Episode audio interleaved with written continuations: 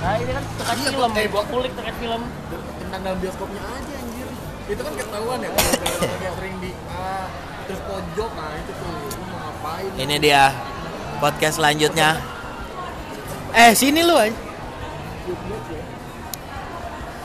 Si Repa mau curhat. Eh opening dulu deh. Assalamualaikum. Udah. Si Repa mau curhat. Dia kata, emang lu gimana Rep? Ceritain coba. Jadi si Repa katanya nonton sendiri. Kagak anjir, nggak pernah. Nggak pernah guys, bohong guys. Nah, jadi Biar- topiknya, biar- topiknya. Enggak, ini gue buka nih topiknya bener nih. Topiknya adalah lu termasuk orang yang bisa nonton ke bioskop sendiri atau kalau sendiri gua nggak nonton bioskop lah gitu. Kalau gua pribadi mungkin masuk kategori yang gua bisa nonton sendiri, tapi genre film tertentu. Gak mungkin dong filmnya romance gue nonton sendiri. Elah Anjay. Anjay. Pernah gue nonton sendiri, tapi emang karena lagi gabut aja, jadi gue nonton sendiri. Ya mungkin genre-genre yang umum. Waktu itu film Godzilla kalau nggak salah ya. Ya, jadi film-film yang emang genrenya umum itu nggak apa-apa lah sendiri. Jangan takut, jangan gengsi lah kita harus nonton berdua, bertiga atau berdua puluh. moral. ya itu sih ya tergantung orang juga kalau gua sih nggak masalah asal uh, seneng aja bagi gua gua akan lakuin gitu kan Kalau gua, gua juga sama kayak Rangga. Gua oke-oke aja nonton sendiri, tapi gua nonton sendiri itu ketika gua biasanya lagi mood swing atau biasa lagi nggak mood kali ya. Biji. ya, biji. Jadi untuk cara salah satu cara naikin mood gua ya gua nonton film aja. Nonton film sendiri, film yang suka hati habis nonton. Ini ke bioskop kan? Iya ke bioskop. Habis nonton cabut pulang. Nah itu nanti semangat gua udah muncul lagi dik. Kalau gua nonton sendiri, aduh berat, berat banget, mager gua. Mendingan mendingan gue streaming sih kalau kayak gitu misalnya. Walaupun emang misalnya gue pengen ngelakuin itu nonton sendiri, biasanya gue udah nonton rame-rame dulu dan menurut gue itu bagus. Contohnya misalnya eh, film Avenger atau Ford versus itu udah nonton bareng-bareng, habis itu gue nonton sendiri nggak masalah. Cuman untuk sendirian enggak ada. Gua nggak bisa guys. Karena bisa Gua- juga. iya karena gua kalau nonton suka benga, nggak ngerti alurnya. Jadi kalau gua nonton sendiri nggak ada yang jelasin. Itu adalah kesaksian dari pasangan yang sedang menjalani hubungan. Jadi mereka tuh berdua bukan karena pacaran. karena yang satu blow on. Nggak bercanda mereka pacaran. Ya, gue juga mau nanya.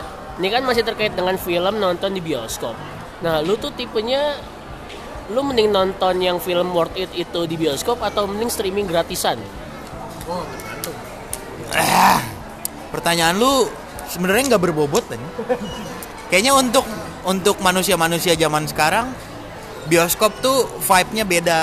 Walaupun walaupun lu punya DVD-nya atau downloadannya yang ilegal itu. bioskop tuh vibe yang paling benar untuk menikmati film seru yang baru. Kalau dari gua sih gitu. ya kita menghargai lah uh, si pembuat film itu jangan sampai kita nonton perdana tapi Iya. nonton perdana tapi ilegal caranya ya kita nggak menghargai si pembuat film itu yang udah susah payah untuk uh, niatnya menghibur kita semua melalui film itu Lu dari tadi bosen kan suara cowok mulu. Nih, sekarang gua nanya cewek. Nonton di bioskop. Tadi pertanyaannya gimana? Oh, kalau gue sih lebih suka nonton di bioskop. Karena Soalnya beda aja gitu loh suasananya.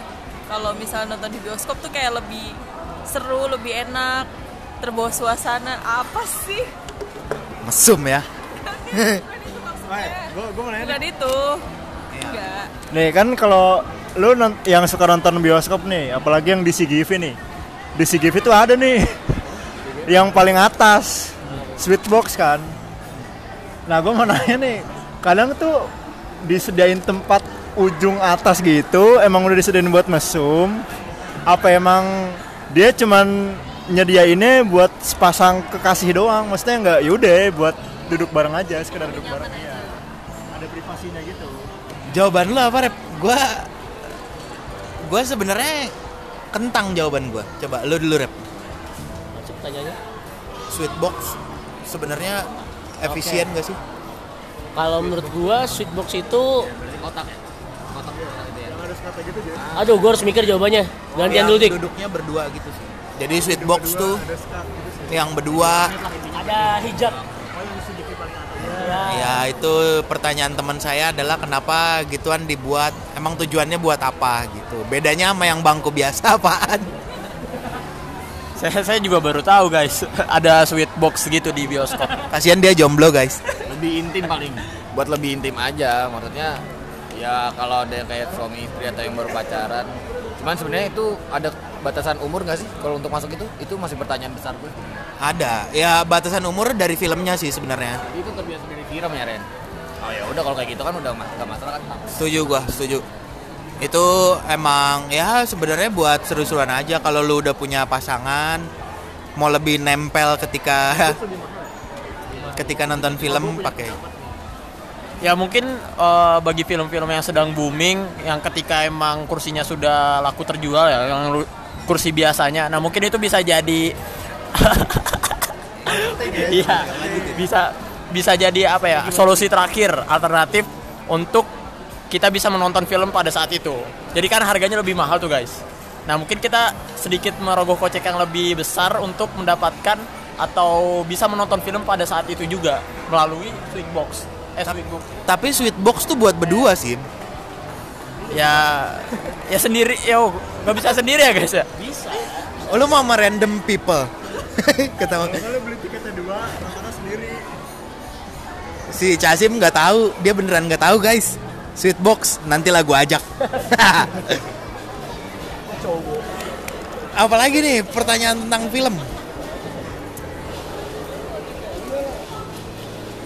Menurut lo ada nggak sih film-film yang sebenarnya tuh nggak worth it untuk ditonton di bioskop? Misal bagi lu film-film romantis lu mau ramean mau sendiri nggak cocok lah di bioskop menye-menye mending lu nonton sendiri kayak gitu. Nggak. Film yang nggak cocok buat ditonton di bioskop. Film yang nggak cocok. ya ada aja sih gue mau. Ya pokoknya gue mengacu pada rating IMDb kalau rating IMDb bagus gue tonton kalau yang nggak bagus walaupun ada di bioskop ya gue nggak tonton Ya namanya juga tempat nonton film ya pasti cocok-cocok akan cocok semua jika film dimasukkan ke bioskop. lu mau jawab gak? Enggak. Oke, nih gue punya ini keresahan terhadap orang tua orang tua yang nonton bawa anak kecil padahal ada batasan umurnya. Itu tuh kayak yang yang pertama kasihan anaknya, yang kedua kayak bikin kita berasumsi kayak ini orang tuanya blond dah kenapa gitu kan iya kan? Iya coba marahin coba. Gue nggak minta pendapat lu gue minta lu marahin si ibu-ibu yang kalau misalkan Ya, jadi bagi bapak ibu yang mendengar podcast Sidik nanti, nah tolong jangan bawa anak-anaknya untuk menonton film yang bukan pada umurnya. Pun sebenarnya untuk nonton film yang memang pada umurnya, contoh Frozen, lebih baik jangan dibawa karena berisik. Karena kita kita yang gede-gede juga tetap mau nonton, tapi berisik anaknya. Ah, iya, betul. Jadi kita nggak fokus seperti itu. Iya sih, gue juga kesel, cuman bukan kayak ibu-ibu yang bukan yang bawa anak doang, dik. Kayak misalkan gue pernah nih nonton, tapi sebelah gue ada yang sambil bales chattingan gitu, terus dia brightnessnya terang banget, sumpah deh itu ganggu banget nggak bohong. Aturan mah kan ada yang apa sweet box itu ya. Aturan dibuat tuh buat yang um, nah iya family box gitu. Jadi biar tidak terganggu. Annoying sekali.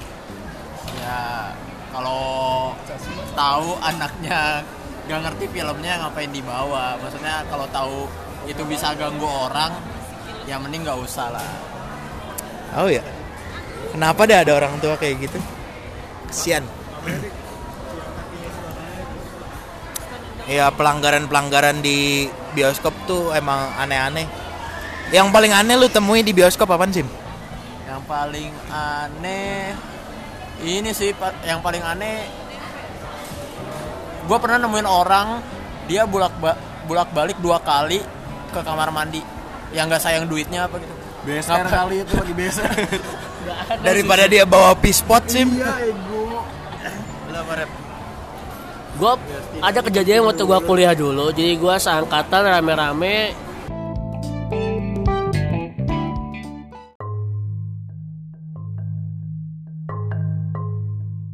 pengen nonton film horor. Gue lupa film horornya apa. Pokoknya film horor barat lah Hollywood. Horor porno.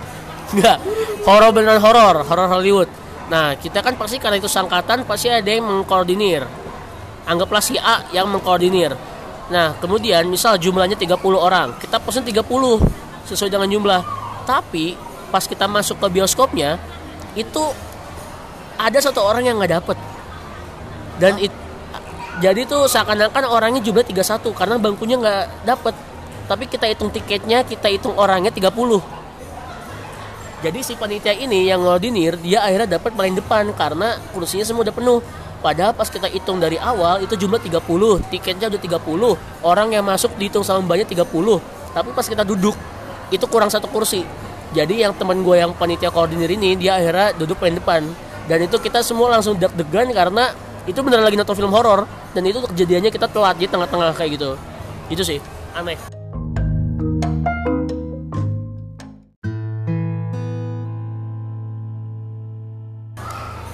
Itu bukan kejadi gimana sih maksudnya lu tapi kan itu dari dari beli tiketnya kan yang salah. Dari yang milih tiketnya itu kan. Iya nggak sih? Nah itu sampai sekarang belum terjawab Intinya gue nggak tahu gimana juga Tapi misal 30 orang ini Kita udah dihitung mbaknya masuk pas masuk bioskop Tiketnya udah dipotek 30 Tapi pas kita duduk Kan kita duduk pasti rame-ramean Blak blak blak blak Nah pas duduk tiba-tiba satu orang ini nggak dapat tempat duduk Nggak dapet tempat duduk yang ngumpul sama 30 orang lu itu. Ini termasuk 30 ini Tapi kursinya kurang satu Bioskopnya cuma isi 30 orang. Enggak, jadi seakan-akan kita tuh orangnya 31 Wih, horor dong. Nah, maka dari itu aneh. Jadi satu orang ini itu dia duduknya paling depan sendirian. Tapi yang yang paling depan lu kenal siapa dia? Kenal temen gua. Cuma maksudnya anehnya kita tuh pesen 30. Jumlah dihitung. anak 30. Masuk dihitung 30, tapi pas duduk kursinya kurang. Horor. Itu beneran kejadian. Tapi lu foto gak? Apa? Lu foto foto rame-rame gak habis nonton atau pas acara? Enggak, enggak. Emang kampus lu aja jelek. Kebanyakan mistis kampus lu. Iya, serius serem banget. Itu malam, malam. Malam, nonton horor malam. Ih. Ya udah kita kita masuk ke topik horor. apalagi rep, apalagi rep. Lu ada ada yang serem-serem gak sih? gua oh iya. Ya jadi waktu di kuliah kan ada program namanya KKN kuliah kerja nyata ya. Nah ada dibagi dua reguler sama tematik. Nah gua bagian tematik. Yang tematik itu lebih simpel lah. Eh, nggak terlalu jauh tempatnya eh, sekitaran kampus terus juga dibimbing banget sama dosen pembimbingnya nah total dari tim gua itu ada 39 orang. Nah, di tim KKN itu gue termasuk sebagai sekretaris. Sekretaris desanya.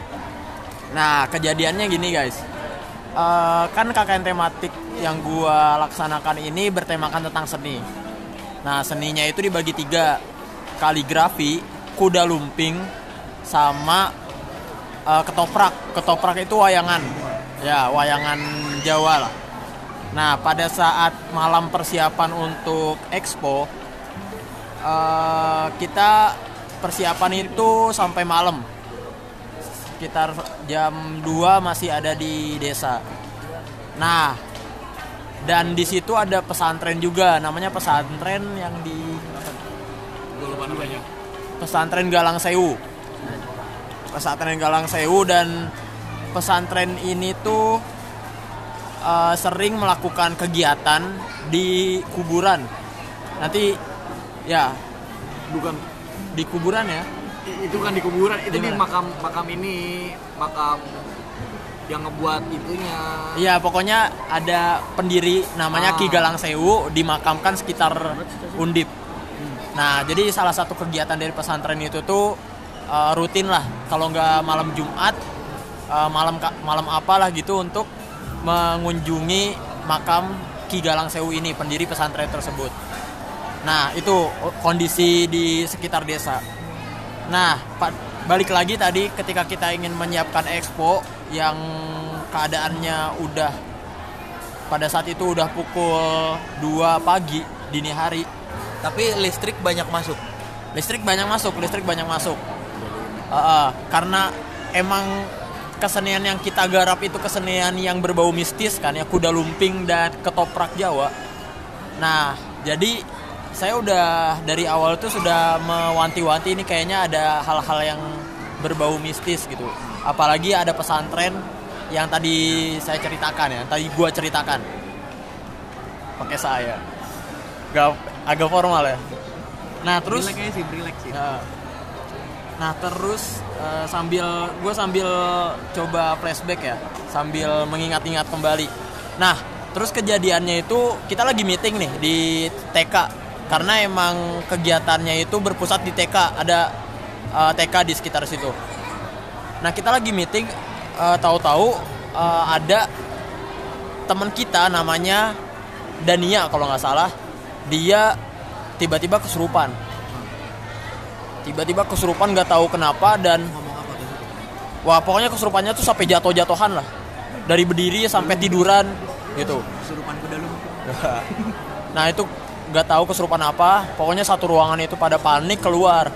Nah gue mencoba untuk menenangkan diri nggak langsung keluar. Jadi di sisa di dalam ruangan itu cuman gue sama ada beberapa teman gue yang emang ingin nolong ya udah karena gue emang eh, nggak punya pengalaman dalam hal-hal yang berbau mistis untuk melepas mungkin jin dari tubuh seseorang gue nggak punya pengalaman.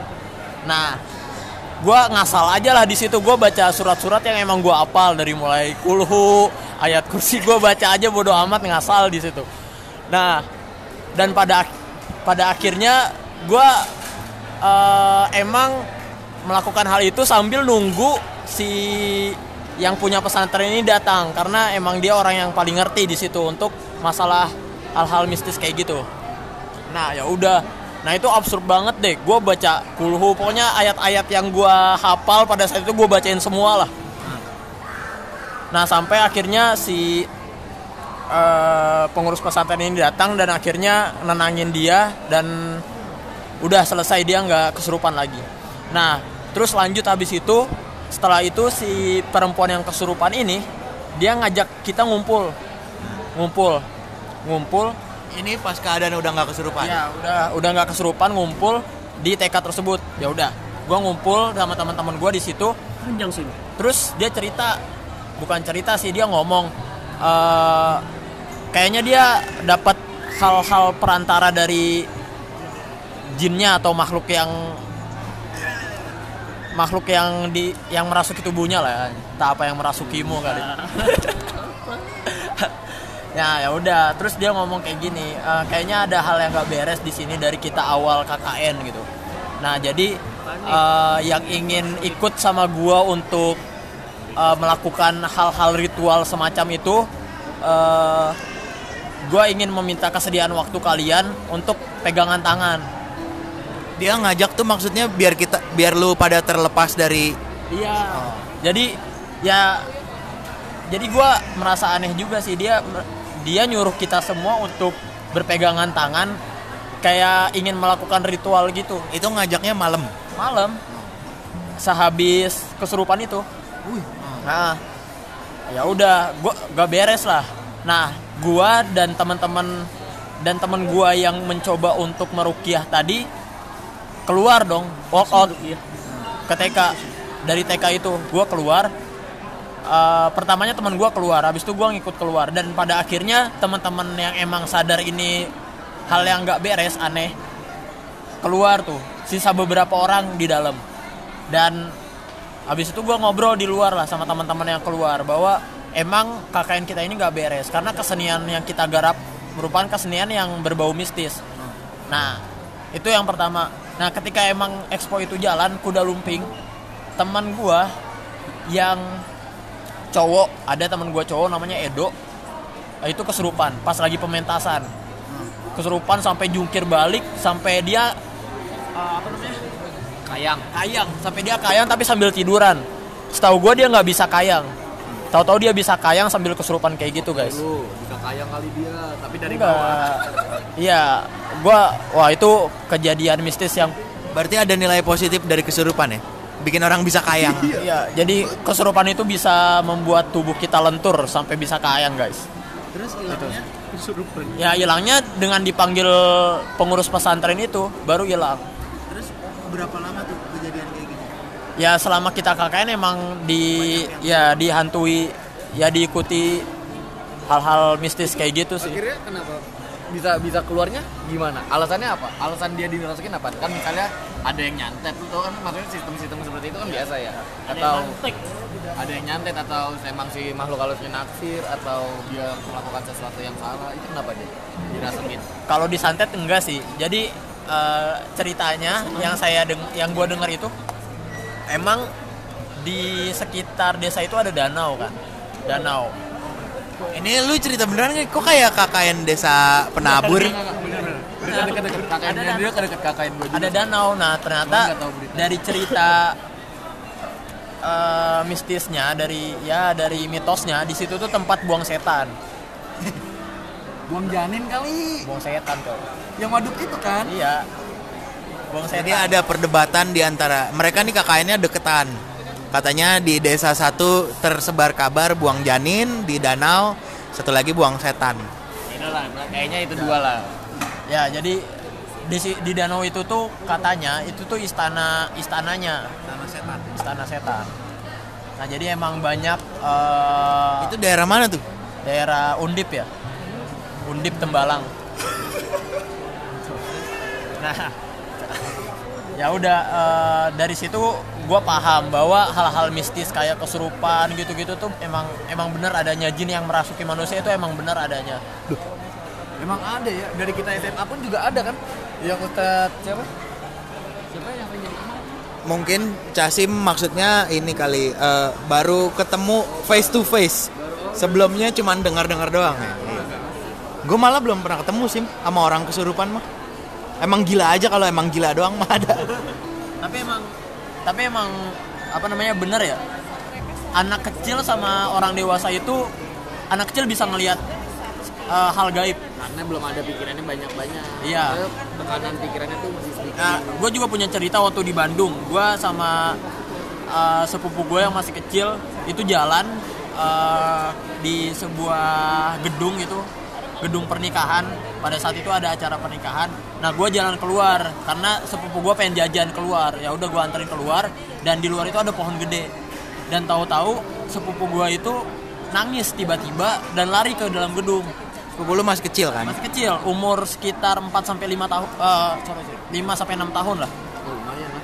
5 sampai 6 tahun tahu-tahu nangis langsung lari ke dalam nah pas ditanya di dalam ada apa dia nggak mau jawab sampai dua hari kemudian diusut dia baru mau jawab katanya ada Tapi itu masih di Bandung. masih di Bandung pas diusut ternyata dia ngelihat wanita di atas pohon gede itu yang rambutnya panjang gitu anak kecil ya lu tau lah anak kecil nggak bisa bohong nggak bisa merekayasa suatu kejadian jadi ini bener guys Sangat jujur. Ah.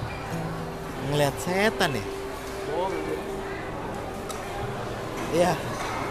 Itu untuk episode serem-serem kali ini. Judulnya apa ya episode ini ya? Serem-serem uhuy. Serem-serem uhuy. Coba ulang-ulang. Serem-serem uhuy. Casim doang yang punya pengalaman mistis. Lo emang ada rep? Gua gua orangnya nggak bakal di. Nah, dia ada. Tapi gue mau ngerokok. Tapi nggak enak. Lu, lu bisa buka berarti. Gak enak kan ya? Hah? Gak enak kan? Enak loh. Maksudnya apa sih? Six sense gitu. Bisa ngerasa. Enggak. Serius lu? Kalau gue punya temen, dia tuh emang belajar ilmu-ilmu gitu. Kayak karate-karate gitu, pokoknya dia pedalam ilmu-ilmu gitu. Dia bisa ngebedain orang dari awal. Ilmu apaan? Ilmu apaan?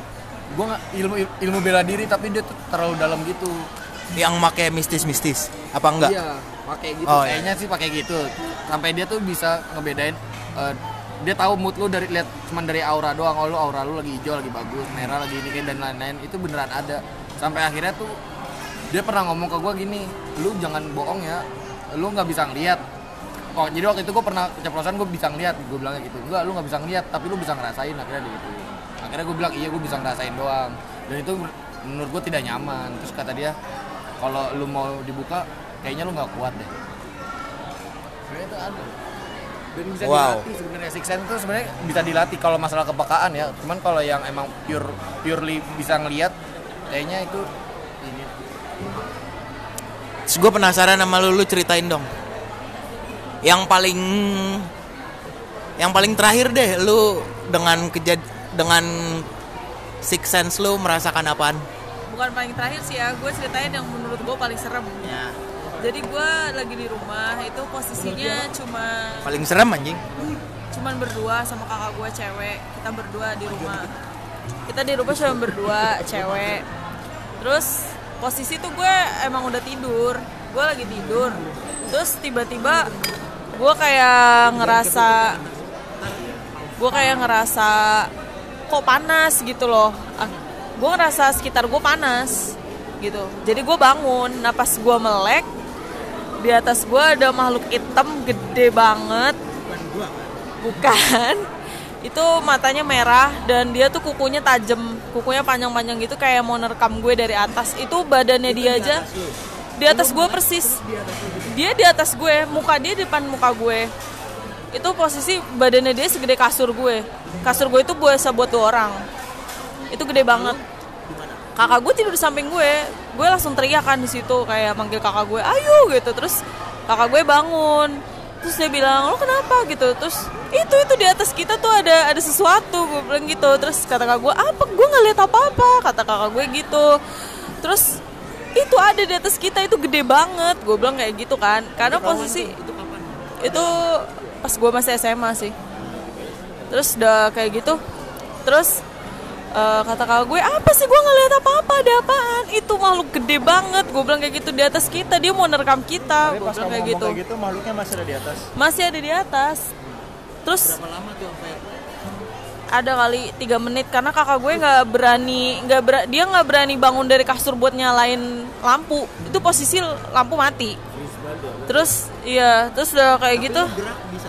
Enggak yang gue bisa. Orang gue tuh meluk kakak gue gue meluk kakak gue gitu. Gue teriak gitu terus kakak gue baca baca doa gitu baca ayat kursi gitu kan. Gak hilang hilang juga tuh sampai akhirnya kakak gue beraniin diri lompat dari kasur nyalain nyalain lampu. Dan di situ baru hilang dan di situ gue baru ngerasa hawa di sekitar gue tuh udah nggak panas lagi.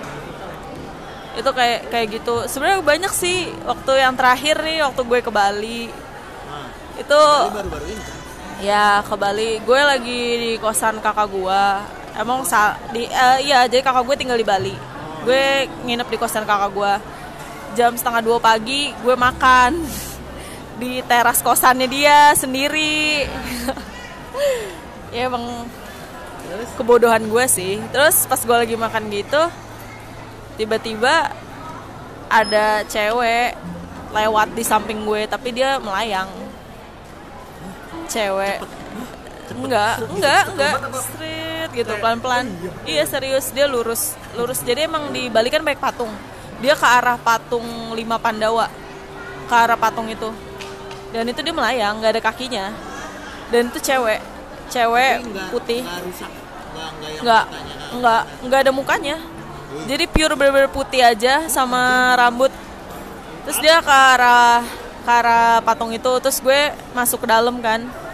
Karena gue merasa tidak nyaman ya jadi gue masuk ke dalam. Terus setelah gue pulang dari Bali itu kakak gue bilang emang di kosannya dia itu ada penghuni si cewek itu.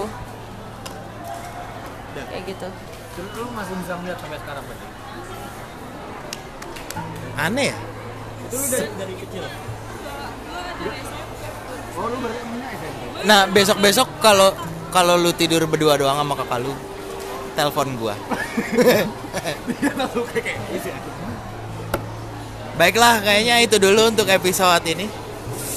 Saya asem. Nanti dilanjut lagi ya, guys. Assalamualaikum.